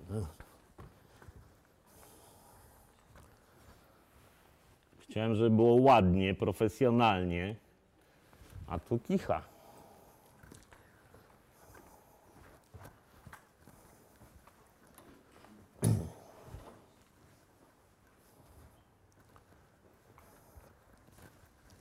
Proszę Państwa, znów mamy fragment e, mapy zaznaczone. Taki trójkąt obrony był stworzony. E, Żob, Miła, Zamenhofa, Gęsia, Nalewki i Żydowski Związek Wojskowy tutaj na e, Placu Muranowskim, plus szopy szczotkarzy, tutaj ulica Wałowa, Świętojerska. U.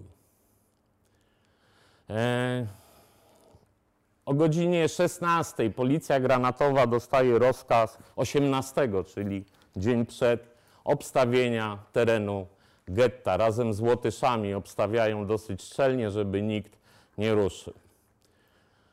O godzinie e, 6 rano pojawiają się Niemcy. 860 SS-manów i trawnikowców. E, trawnikowcy poszli pierwsi, e, głównie poszli, proszę Państwa, tutaj. Zaraz sobie to prześledzimy. Moment po momencie. E, o 6 rano wkraczają do getta i e, trawnikowcy e, wchodzą w ulicę Zamenhofa. E, Niemcy zatrzymują się na chwilę tu. Chcą po prostu razem iść, prawda, artylerierą w jednym. Tu oczywiście jest gęsta zabudowa domów, także no nie ma mowy o jakimś tam kontakcie wzajemnym, no ale chcą, żeby ten pochód w przód posuwał się jednakowo, w jednakowym tempie. No więc mamy tutaj wejście aż do Miłej, e, oddziałów trawnikowskich. I tutaj użyto też broni pancernej, która ich wspierała, bo okazuje się, że tam. O! Boże, jedyny. Coś wybuchło. E, okazuje się, proszę Państwa, że no, Łotysze dostali tam tęgie, tęgie lanie. Drugie miejsce na Zamenhofa, gdzie e, Żob też e, skutecznie walczył. No i zaczyna się akcja na nalewkach. Niemcy się posuwają w głąb nalewek, ale są ostrzeliwani i e, muszą się wycofać. Potem Anielewicz w liście do Cukiermana napisze, że ta walka trwała 40 minut. E, Ponoszą klęskę. E, O ofiarach niemieckich ja nie będę, nie będę wspominał. To na koniec Państwu powiem, bo tutaj to już jest po prostu rozjazd taki, że, że naprawdę bardzo ciężko jest jakieś dane pokazać. Tu mamy właśnie tych trawnikowców, którzy szykują się do wejścia do getta. Właśnie tak sobie wchodzili, tak sobie szli, idą przez getto, prawda, ładnie czwóreczkami. I tu mamy pana Jurgena Stropa i jego krótka nota biograficzna. Znał najwyższą wierchuszkę, jak Państwo widzą, Geringa, Hitlera, Himmlera. Himmler był jego w ogóle e, no, mentorem, protektorem. Brał udział w zajęciu Czech, e, był szefem e, SS w Karlowych Warach. Myślałem, że mi wypija pani. E, No i pacyfikował Wielkopolskę w 1939 roku. Dziękuję bardzo. Także od samego początku był, prawda? Zresztą jak wszyscy ci, którzy, e, ci zbrodniarze. 42 rok to walki z partyzancką na Ukrainie i na Kaukazie. E, W ogóle miał zostać jakby gubernatorem Kaukazu zdobytego, no ale nie udało się. E, Potem e, komendant policji ISS e, na dystrykt Galicja, który był przyłączony do, do generalnej guberni. E, No i e, tak jak powiedziałem, 17 kwietnia zostaje dowódcą policji SS w Warszawie i o godzinie.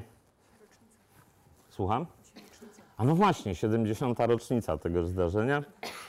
E, o, o godzinie 8, parę minut po 8 w hotelu Bristol, w którym mieszkał, zjawił się jego kolega w stanie no, pełnego roztrzęsienia.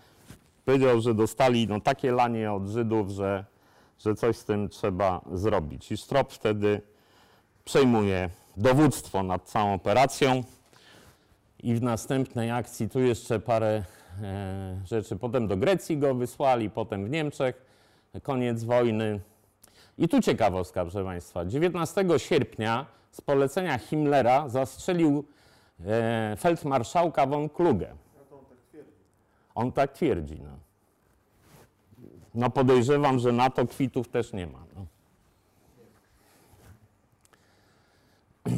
no i aresztowany 8 maja przez Amerykanów, wydany Polakom, sądzony e, i powieszony w 1952 roku w więzieniu mokotowskim.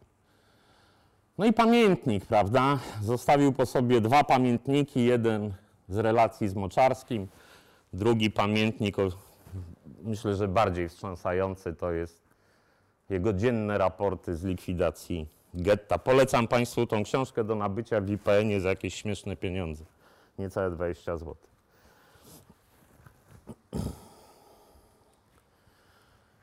I tu mamy zdjęcie, no pół zdjęcia jego z procesu. No ale jako, że znów mamy tutaj mapkę, to nie będę już się przerzucał na tryb awaryjny. E, godzina 12. Tu już Strop wchodzi z oddziałami pancernymi, ściąga haubicę 105 mm. E, tu już jestem na swoim poletku. Na placu Muranowskim ta haubica staje, która ostrzeliwuje budynki na nalewkach. E, Niemcy pod osłoną broni pancernej przechodzą do placu Muranowskiego. E, Problem polega na tym, że według raportu listu właściwie e, Anielewicza do Zuckermana te przejście Niemców przez ten kwartał domów zajęło im 6 godzin. Myślę, że jest to no, zbyt optymistyczne, że jednak przy wsparciu broni pancernej, idąc szykiem ubezpieczonym, prawda, czyli pod ścianami domów, ostrzeliwując się na, e, naprzeciwko, nie idąc tak jak trawnikowcy czwórkami, że jednak to zajęło im znacznie szybciej, bo po tej walce musieli odpocząć, coś zjeść, a już e, po południu przystąpili do walk na Placu Muranowskim, o czym za chwilę. No prześledźmy sobie, jak to wyglądało. No i też zmieniają taktykę. Miotacze ognia, prawda, w użyciu. E, już jest na ostro, już się zabawa skończyła. E, sztrop e, się nie patyczkuje. Oddziały, część zostaje rozbita. E, bardzo dużo tam bojowników żobu ginie. Część wycofuje się na ulicę Kurzą, która wtedy nazywała się albo Kurza po polsku, albo Mezelesa Me- Meizele- Meizelsa. To był jakiś rabin tam, ale Polacy mówili Kurza na tą, na tą ulicę. No i mamy oddziały. Wycofując się, tutaj na rogu była, był skład jakiś niemieckiego dobra wszelakiego, i jakaś tam fabryczka, no więc e, podpalają tą fabrykę. No Niemcy też przechodząc, ogień po sobie zostawili, no więc nalewki wyglądają tak. E, Na Gęsiej 6 znajduje się żydowski szpital na terenie getta. E, Niemcy po spaleniu tej, tychże magazynów tutaj nalewki 31 e, wchodzą do tego szpitala i mordują cały personel, po czym budynek zostaje e, podpalony. Tu mamy właśnie generała Sztropa w swojej obstawie SS-manów i następne wydarzenie z 19 kwietnia. Godzina 17.30, dlaczego- dlatego ja tam poddałem wątpliwość te 6 godzin. Myślę, że 3 godziny, no góra 4 im zajęło przejście od Gęsiej do Placu Muranowskiego e, w walkach e, z Żobem. E, Atak Sztropa na pozycję Żydowskiego Związku Wojskowego, który, proszę Państwa, tu od rogu nalewek Placu Muranowskiego, aż praktycznie do Bonifraterskiej trzyma całą tą, tą stronę. Sztab jest, tak jak powiedziałem, tu na górze Muranowska 7. Pali nam się już getto, prawda? Żob e, pobity jest w tym miejscu. E, żob jest oczywiście tutaj u szczotkarzy. No i tu wchodzą do boju haubice 105 mm, które na placu Muranowski no, strzelają ogniem bezpośrednim w budynki, w okna, w których pojawiają się żydowscy bojownicy. E, Tu jest użyty CKM na, na, na rogu przez Żydowski Związek Wojskowy, no więc wprowadzane do akcji są też czołgi. Olbrzymia bitwa, wielka, wielka strzelanina, e, która trwa no, kilka godzin. No i teraz pojawia nam się coś, co jest też wielką kontrowersją. O 17.30, jak zaczynają się bronić bojownicy Żydowskiego Związku Wojskowego, wywieszają dwie flagi. Flagę e, biało-czerwoną i flagę z gwiazdą Dawida. W niektórych opracowaniach najpierw żydowską, po paru godzinach biało-czerwoną, w niektórych jednocześnie, no ale myślę, że nie ma to większego znaczenia. No, takie flagi się pojawiły. Sztrop o tym pisze w raportach, że, że no, był, był no, bardzo niepocieszony z tego tytułu. Prawda? Nawet informacja dostała się do Himmlera 20 i, i dzwonił do Sztropa, że, że natychmiast ma to zdjąć, to usunąć. Dochodzi do walki jeszcze tutaj e, w okolicach e, Sapieżyńskiej, no i zaczynają się walki u szczotkarzy. Walczą także Żydzi e, tutaj e, na, e, na Gęsiej i na Stawkach w, tych, w tym rejonie. Tak wyglądał przebieg walki pierwszego dnia e, powstania w getcie. Zacięło nam się.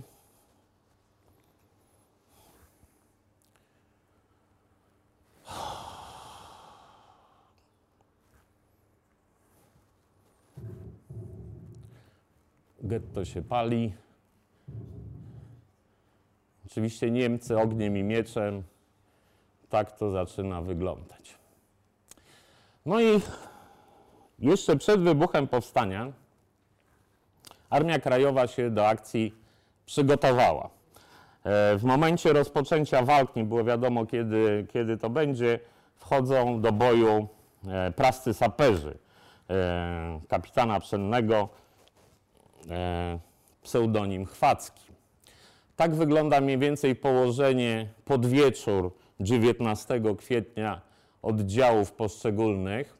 E, Żydzi e, wycofani tutaj, to Kopiecka, nie Kurza, przepraszam, bo tu już inną mapę zastosowałem, inna nazwa ulicy, widzicie Państwo? Z innego roku mapa. E, No ale poza tym wszystko się zgadza. Żydzi trzymają się tutaj żob, tutaj Żydowski Związek Wojskowy, chociaż w opracowaniach, e, wspomnieniach e, bojowników żobu twierdzą oni, że po tej wielkiej bitwie 19 większa część e, bojowników ZZW tunelem, który był między posesją Muranowska 7 a Muranowska 6, bo to już była strona aryjska, mur był tutaj wzdłuż jezdni, że większość tych e, żołnierzy XIX już opuściła e, plac boju. Chwacki przybywa o godzinie 18, ustawia przy Konwiktorskiej jeden patrol dwuosobowy, e, tutaj drugi patrol. Największe wsparcie jest od Sapieżyńskiej i tutaj saperzy na rogu Sapieżyńskiej i Bonifraterskiej montują ramę, proszę Państwa, o wymiarach 3 metry na 4, takie, taka litera U jakby odwróconego, obłożona plastikiem. I tą ramę, e, w sumie w akcji brało udział 20 osób. E, Tą ramę mają przystawić do muru e, u wylotu e, właśnie sapieżyńskiej. E, Tutaj mają rozbić mur, żeby Żydzi, prawda, mogli uciec i Bonifraterską przez wiadukt w kierunku Żoliborza i dalej do Puszczy Kampinoskiej no, się przemieścić. Tutaj wspomnę o tym, że jak głównie lewicowe organizacje, Gwardia Ludowa e, no, zapewniała e, tych wszystkich bojowników, że nie zostaną sami, że, że im się pomoże. Armia Krajowa też się do tego przygotowała. E, mówiono im, że jak no, przyjdzie ten ostateczny moment, to tych, co się uda wyciągnąć z getta, przerzuci się do lasu i będą walczyli jako, jako partyzanci. Także no nie wszyscy może mieli świadomość, że to jest bój ostatni, prawda? Może jednak liczyli na to, że ta pomoc zewnętrzna będzie bardziej skuteczna i że uda się e, no, do tych lasów e, przejść, prawda? Chociaż no, na pewnie nie byłoby to łatwe wyłomem o szerokości 4 metrów przeprowadzić 60 tysięcy ludzi do Puszczy Kampinoskiej. Może pojedyncze osoby to tak, ale na pewno nie, nie większość. No i zaczynają się, proszę Państwa, problemy. Jak to przy każdej dobrze pomyślanej akcji, zmontowana zostaje ta rama już tutaj u wylotu Sapieżyńskiej do Bonifraterskiej i w tym momencie przyjeżdżają trzy policyjne budy. Policja granatowa. Zatrzymują się na samym rogu, no więc nie bardzo wiadomo, co z nimi robić. Dwie na szczęście odjechały, skręciły w konwiktorską, pojechały sobie tutaj w tą stronę do, do dzisiejszej Wisłostrady, prawda? O, tak tam policja nam przyjechała, ale dwie pojechały, a jedna buda została. I policjanci z tejże budy wyszli, no i zadali pytanie, panie, co to jest, prawda? No taka konstrukcja 3 na 4 którą targa kilku chłopa, no na pewno musi wzbudzić zainteresowanie, szczególnie, że po drugiej stronie, ja tu tego nie, nie, nie, nie namalowałem, ale no pali się getto, tam jest strzelanina cały czas. E, dogorywa właśnie Plac Muranowski e, wtedy. Walki toczą się tutaj w szopie szczotkarzy wieczorem do godziny 19. O 19, proszę Państwa, czyli godzina zwłoki już jest w tej całej akcji Armii Krajowej. O 19 musimy kończyć zaraz, a to jest pierwszy dzień dopiero. E, O 19 zapada decyzja. Ruszamy do walki, zwalczamy posterunki niemieckie przy franciszkańskiej konwiktorskiej, no i podejmujemy walkę z tymi policjantami na Bonifraterskiej. Skutek tej walki jest taki, że dwóch saperów, którzy niosą tąże ramę obładowanym plastikiem, ginie na środku Bonifraterskiej. Ta rama e, no tam leży na tym e, środku. Chwacki e, z kolegami próbują ją jeszcze no, podciągnąć pod mur getta, ale ostrzał z pozycji tych niemieckich z dwóch stron jest zbyt duży. Pamiętajmy, że Niemcy tutaj w tych budynkach mieli e, żołnierzy, którzy ostrzeliwali getto z broni maszynowej. Także no, grad pocisków na Bonifraterską się sypie. Odpalają e, ten ładunek plastiku, licząc na to, że jest tego tak dużo, że mimo iż leży 3 metry od muru, ten mur e, zdetonuje, prawda? No staje się inaczej, e, tylko wyrwa na bruku po detonacji tego plastiku i rozerwane dwa ciała tych saperów, którzy tam przy tej ramie e, polegli. Oddział wycofuje się, wynosząc czterech rannych. No i tu mamy fotki. No i kolejny dzień, kolejny dzień obrony. Niemcy wzmacniają swoje siły. E, Celem ataku jest e, rejon Placu Muranowskiego głównie, a także ulica Bonifraterska. Co ciekawe, sami Niemcy, potem Państwo na zdjęciach, jak będziemy mieli czas na to, zobaczycie, że sami tutaj dziurę wywalili w tym murze, no ale po to, żeby ich czołgi wjeżdżały tam do środka. E, haubice stoją na Sapieżyńskiej i na Placu Krasińskich, e, ostrzeliwując właśnie teren ten e, wschodni, wschodniego, wschodniego getta i tu dochodzi do, do walk, prawda. Walki też toczą się tutaj w tych rejonach, ale już o mniejszym natężeniu koncentracji Żydów. Za to Niemcy wprowadzają już taktykę palenia getta miotaczami płomieni. Wszystko, co, co się da, to, to, to płonie. Tak to zaczyna wyglądać. No właśnie, tu mamy wybuch pewnie chałbicy. No i ten sam e, dzień walki z żobem. I mniej więcej na takich pozycjach te walki się toczą do 24, do 24 e, kwietnia. E, Co ciekawe, już 22 Sztropnie wspomina o walkach na Placu Muranowskim, ale z drugiej strony ginie niejaki porucznik Demke, jedyny oficer, który zginął w czasie tej operacji, właśnie podczas podobno zrywania flag. Zginął na Placu Muranowskim, trafiony, no nie wiemy, albo w granat, który trzymał w rękę, albo w rękę z odbezpieczonym granatem. W każdym bądź razie granat mu w ręku eksplodował i tenże oficer zginął. I to Sztrop podaje w swoim raporcie jako koniec sprawy Muranowska 7, prawda? Czyli to jest 22 e, kwietnia, trzeci dzień walk. Wszystkie te opracowania na temat Żydowskiego Związku Wojskowego no, twierdzą, że te flagi tam sobie dalej wiszą, że ci żołnierze dalej tam są. Strona Żydowskiej Organizacji Bojowej we swoich wspomnieniach pisze, że faszyści od razu uciekli, jak zaczęła się strzelanina. Prawda? Jak to było naprawdę, to już sami niech sobie dojdą historycy, specjaliści od spraw żydowskich. No i tu mamy e, z 23 kwietnia ogłoszenie właśnie o zakazie wstępu pod karą śmierci do dzielnicy żydowskiej. No bo oczywiście znaleźli się chętni, którzy zaraz tam furmankami czy samochodami pojechali dywany wynosić, meble, prawda, i wszystko, co tam zostało. No bo, no niestety, no prawo, prawo wojny, prawo buszu. No i tutaj mamy akcję kolejną Armii Krajowej. E, W sumie takich dużych akcji były dwie. E, Armii Krajowej, jedna nieco mniejsza, której już nie robiłem mapki, e, to jest rozbicie bramy przy ulicy Pawiej.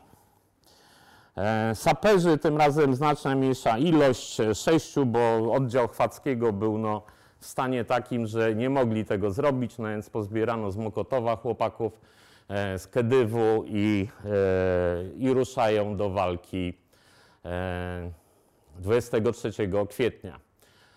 E, Dwa posterunki do zaatakowania i trzeci oddział, tak jak mówię, patrole dwuosobowe w tych trzech miejscach ma podejść do bramy na i wysadzić ją w powietrze. E, W momencie, gdy dochodzi do strzelaniny, nie udaje się zdetonować ładunków, kończy się na wymianie ognia z tymi trzema posterunkami e, bojowymi. E, No i 23 kwietnia rozstrzeliwują e, Niemcy. Za szybko nam to poszło. Niemcy rozstrzeliwują nam pozostałych przy życiu e, funkcjonariuszy, tak nazwijmy to, Judenratu i służby porządkowej. E, I tutaj był kawałek listu, ale gdzieś się zgubił, no więc trudno. E, Co w tym liście? List Edel, e, nie Edelmana, tylko Anielewicza do Cukiermana, e, opisujący ten pierwszy dzień, że pierwsza walka trwa 40 minut, druga walka trwa 6 godzin na nalewkach, że no duch jest niesamowity, straty małe, prawda, i, i, i że no, no nie myśleli, że im tak dobrze, dobrze to pójdzie.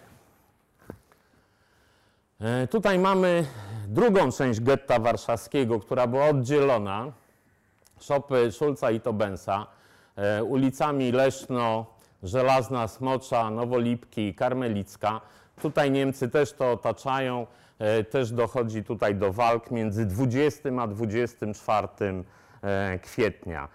Codziennie te walki się toczą. Tam 23 kwietnia odbywa się Toben, zwołuje wiec, przerywa walkę, mówi słuchajcie, ja wam nic nie mogę zagwarantować, ale lepiej będzie jak się poddamy, prawda, bo e, fabryka stanowi wartość, wy jako rzemieślnicy, jako pracownicy e, stanowicie wartość, nie jedziecie do Treblinki, pojedziecie do, do Trawnik. Zresztą większość tych ludzi, e, których łapano wtedy w tych dniach, wywożono faktycznie do Poniatowej i do Trawnika, a nie do Treblinki. Do Treblinki tylko jeden transport pojechał, 7 tysięcy osób. No oczywiście młodzież, która jest uzbrojona, nie wiem, co 30, co 50, może co setny, e, mówi, że no nie ma mowy, będą walczyli. I to jest, to jest ciekawa bitwa, bo na bardzo ograniczonym terenie chłopcy się utrzymują pełne trzy dni.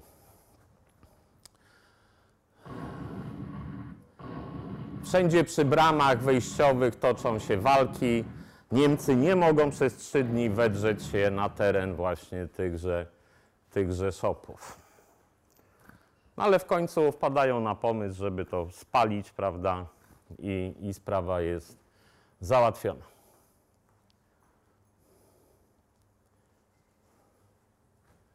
O właśnie, to jest to, to co chciałem powiedzieć. E, Już nie będę tego też przedstawiał. E, ten czas walki, prawda? E, mam poczucie, że dzieją się rzeczy wielkie, że to, na co się ważyliśmy, ma znaczenie doniosłe. Począwszy od dnia dzisiejszego, przeszliśmy na taktykę partyzancką. Proszę Państwa, 23 kwietnia, koniec zorganizowanych, jeżeli to można tak nazwać, walk. Mówię tak zwanych, bo ci ludzie nie mieli żadnej łączności między sobą, nie mieli y, możliwości poruszania się, dlatego Anielewicz przechodzi na walkę partyzancką, w nocy zaczynają działać w małych 3, 4, 5 osobowych grupkach, prawda? E, trzeba zbierać wodę, Niemcy zakręcają wodę, e, część próbuje uciekać kanałami, no cały czas pamiętajmy, że to jest 60 parę tysięcy ludzi na tym terenie, którzy są zakopani w ziemi, gdzieś tam w piwnicach siedzą, bo getto jest puste. Na ulicach nie ma nikogo. Wszyscy ci ludzie jak szczury siedzą gdzieś w piwnicach. No i tu mamy, y, ja pozwoliłem sobie już przelecieć ten miesiąc na jednej mapce, żeby Państwa tutaj nie wykończyć swoimi opowieściami. Proszę Państwa, bunkry, najważniejsze pozycje. Tych bunkrów Sztrop wysadził w powietrze bodajże 630. Na końcu będzie dokładna, dokładna liczba podana. E, Z e, ważnych rzeczy na ulicy Miłej, bunkier Żobu, 18, e, 8 maja, tak? 8 maja, 8 maja e, zajęty. Co ciekawe, większość tych bunkrów Niemcy zajęli wskutek donosów i denuncjacji. Na Lesznie mieli zrobiony ośrodek wypoczynkowy, tak to nazwijmy. Tam e, były nawet ciastka, była kawa i jak złapano na przykład 20 Żydów czy 50, to połowę rozstrzeliwano na miejscu, a drugą połowę zadawano im pytanie, kto chce współpracować, prawda? Bo potrzebnych jest dwóch czy trzech. Więc zgłaszało się bardzo dużo e, tych ludzi i przewożono ich na Leszno do tego właśnie ośrodka zgodnie z obiecankami. Ciasteczka, kawka, wszystko, pościel w łóżku, woda. No więc e, oni sobie tam e, mieszkali, no i denuncjowali. E, po wydaniu wszystkich, które znali bunkrów, prawda, stawiano ich z tymi z ostatniego bunkra, z tą częścią, prawda, pod mur i rozstrzeliwano i z tej drugiej części ostatniego bunkra szukano następnych ochotników. I tak było praktycznie z większością tych bunkrów, bo prostszego sposobu Sztrop nie widział po prostu, jak tylko denuncjację. A ci ludzie musieli wychodzić, prawda, chociażby po to, żeby gdzieś ze studni artyrezyjskich wodę czerpać, z którą były odwieczne, odwieczne problemy. Tu mamy trasę wyjścia kanałami grupy Edelmana. Takie wyjścia były dwa. E, dwa dni przesiedzieli na dzisiejszej prostej e, w kanale. zanim zorganizowano e, dwie ciężarówki. E, Niestety polska ludność, która no, po ulicy poruszała się, jak zobaczyła, że grupa 60 Żydów wychodzi z kanałów, no, zadzwoniła na policję i przyjechała żandarmeria. Zaczęła się strzelanina, tylko dwie ciężarówki odjechały w kierunku Łomianek i, i tam gdzieś się ci ludzie uratowali. E, Kilkudziesięciu zginęło w walce, e, kilkudziesięciu zginęło, e, no nie wychodząc z kanału, bo Niemcy oczywiście natychmiast tam wrzucili, wrzucili granaty. No i proszę Państwa, teraz popatrzymy, jak to, jak to wyglądało. To jest seria zdjęć niemieckich. Bundesarchiv ma potężną bibliotekę. Ja wybrałem kilkanaście, może kilkadziesiąt. Niemcy odpoczywający, prawda? Albo trawnikowcy. No. Tutaj radiostacja niemiecka, super łączność między wszystkimi oddziałami, prawda? Co palić, jak spalić. Tu mamy 105 na ulicy, która widzieliście Państwa z odległości 100 metrów strzelała do, prosto w okna. I wyciąganie właśnie ludzi. Tu mamy część już pewnie rozstrzelanych. A to są pewnie ochotnicy, którzy, którzy właśnie Sztropowi zdają meldunki. Wnętrze bunkra. Tu wychodzi właśnie Żyd z bunkra takiego podziemnego. I tu jest wykopywanie po prostu ludzi łopatami. No. Oczywiście Żydzi to robili i wyciąganie ludności żydowskiej z tych podziemnych kryjówek. Niektóre zdjęcia bardzo znane, niektóre w ogóle. Płonące getto.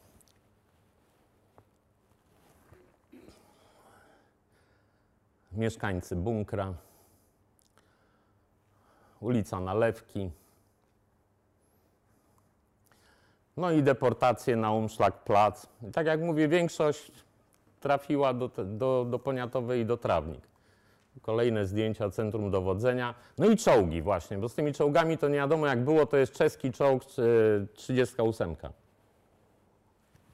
Jest jedno zdjęcie, znalazłem, gdzie dwa są czołgi. Tu też haubica strzela do tego budynku. Odległość no 100-150 metrów. Pewnie jakiś żydowski bojownik.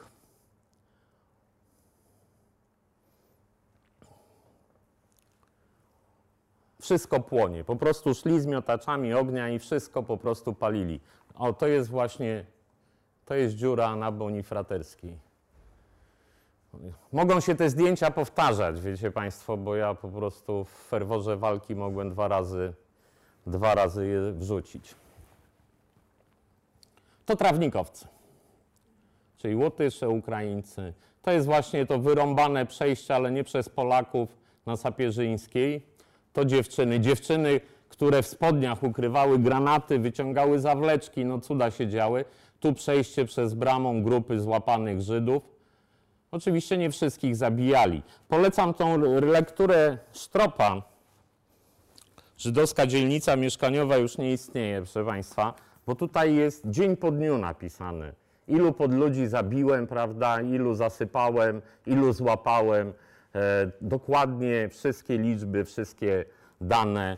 Bardzo polecam. I to jest praktycznie jedyny dokument z tych wydarzeń e, kwietniowo-majowych e, w getcie warszawskim. O, to jest właśnie Sapieżyńska, ta dziura e, w murze, którą próbowali zrobić e, bojownicy. I tu mamy następny czołg, który w Sapieżyńską wjeżdża. I tu już Niemcy pacyfikują głównie getto. To już też było chyba.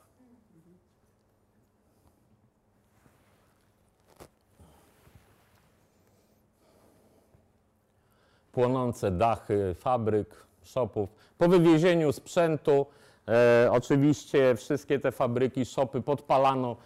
Tu jest e, ciekawe działko 20 mm przeciwlotnicze, 180 strzałów na minutę. No i deportacje na Umschlagplatz i do wagonów, prawda? I to jest pojazd francuski, który używany. Transporter, na którym stawiano te działka właśnie przeciwlotnicze, a tu mamy dwa czołgi. Tu jeden, tu drugi. No więc co najmniej dwa były użyte podczas jednej, jednej akcji. Po 23, e, proszę Państwa, to jest tylko wyciąganie ludzi z bunkrów. Tu już nie ma żadnych zorganizowanych walk. Do walk dochodzi oczywiście, do strzelanin codziennie. A to jest ulica Niska 27. Będą ludzie z okna skakali tutaj zaraz. Najpierw rzucali silniki, potem skakali. Właśnie tu mamy jakąś panią, która z balkonu próbuje się wydostać. I tu mamy pana, który leci, prawda? z ostatniego piętra. Tu słabo widać, ale leżą tu ciała tych, którzy wyskoczyli, bo Niemcy oczywiście do nich strzelali. Kolumna trawnikowców, którzy już tylko rolę pomocniczą pełnili. No i złapani jacyś no, urzędnicy pewnie, bo z dokumentami. Słynne zdjęcie tego dziecka, nawet ktoś to rozszyfrował, są znane nazwiska tych ludzi. Ale to jest likwidacja hotelu polskiego. No, znalazłem to jako, jako. Ja nie wiem, czy przy likwidacji takie środki stosowano jak, jak w getcie. No przecież tamtym ludziom powiedziano, że nie pojadą, prawda, sobie gdzieś tam do Urugwaju i ich wywieziono do obozów e, do Niemiec i w inne miejsca. Z tego co ja wiem, no nie jestem, mówię, specjalistą od spraw żydowskich. Nie mówi się nic o gwałtach na Żydówkach, których na pewno tysiące były. Skoro takie zdjęcia robiono, prawda, Niemcy, to wyobrażacie Państwo, co się działo. No, trzeci raz to samo. No i kolumna Żydów, prawda, pędzona na umszlak prac.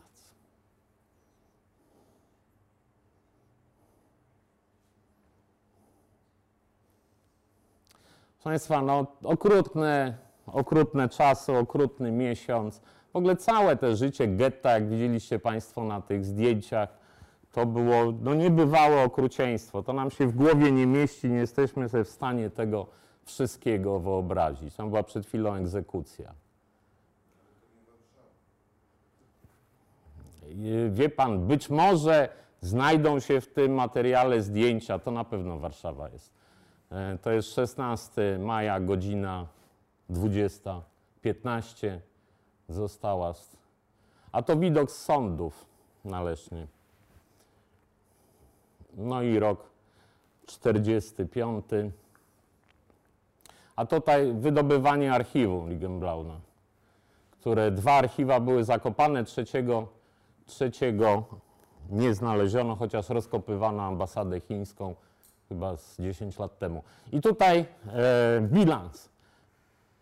56 065 ujętych e, zgładzono w toku wielkiej e, operacji no, w, e, w dzielnicy żydowskiej. Z tego do Treblinki 6929 Żydów e, trafiło. E, te 56 tysięcy przewieziono głównie Trawniki, Poniatowa i Majdanek. 7 tysięcy Żydów zabito na miejscu.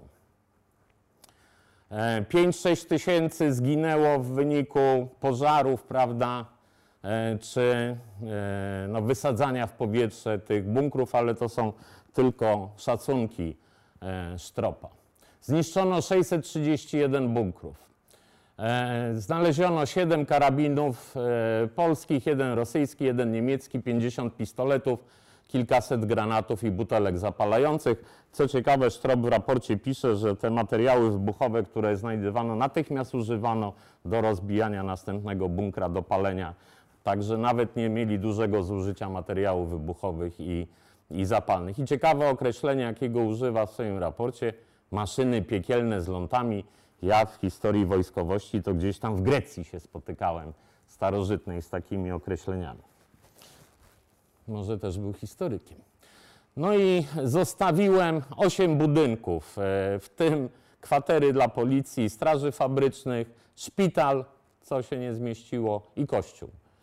E, Byłe getto zostało zupełnie zburzone.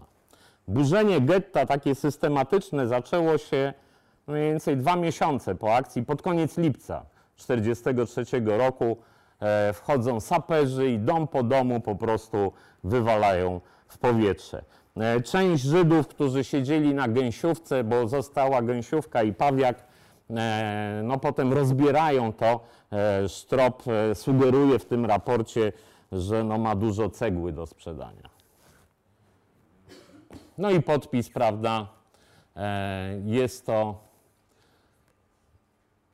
dowódca SS i Policji Dystryktu Warszawskiego, brygad Führer, czyli generał SS i generał Policji. No, proszę Państwa, ostatni slajd w dniu dzisiejszym.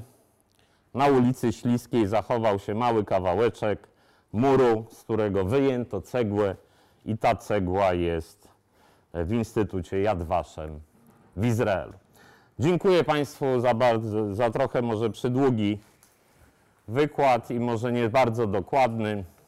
Zapraszam za tydzień będzie o zagładzie Żydów w Polsce, czyli wszystkie obozy, prawda, getta, los ich na terenie, no może nie Polski, a generalnej guberni, ale na pewno zahaczymy o getto łódzkie.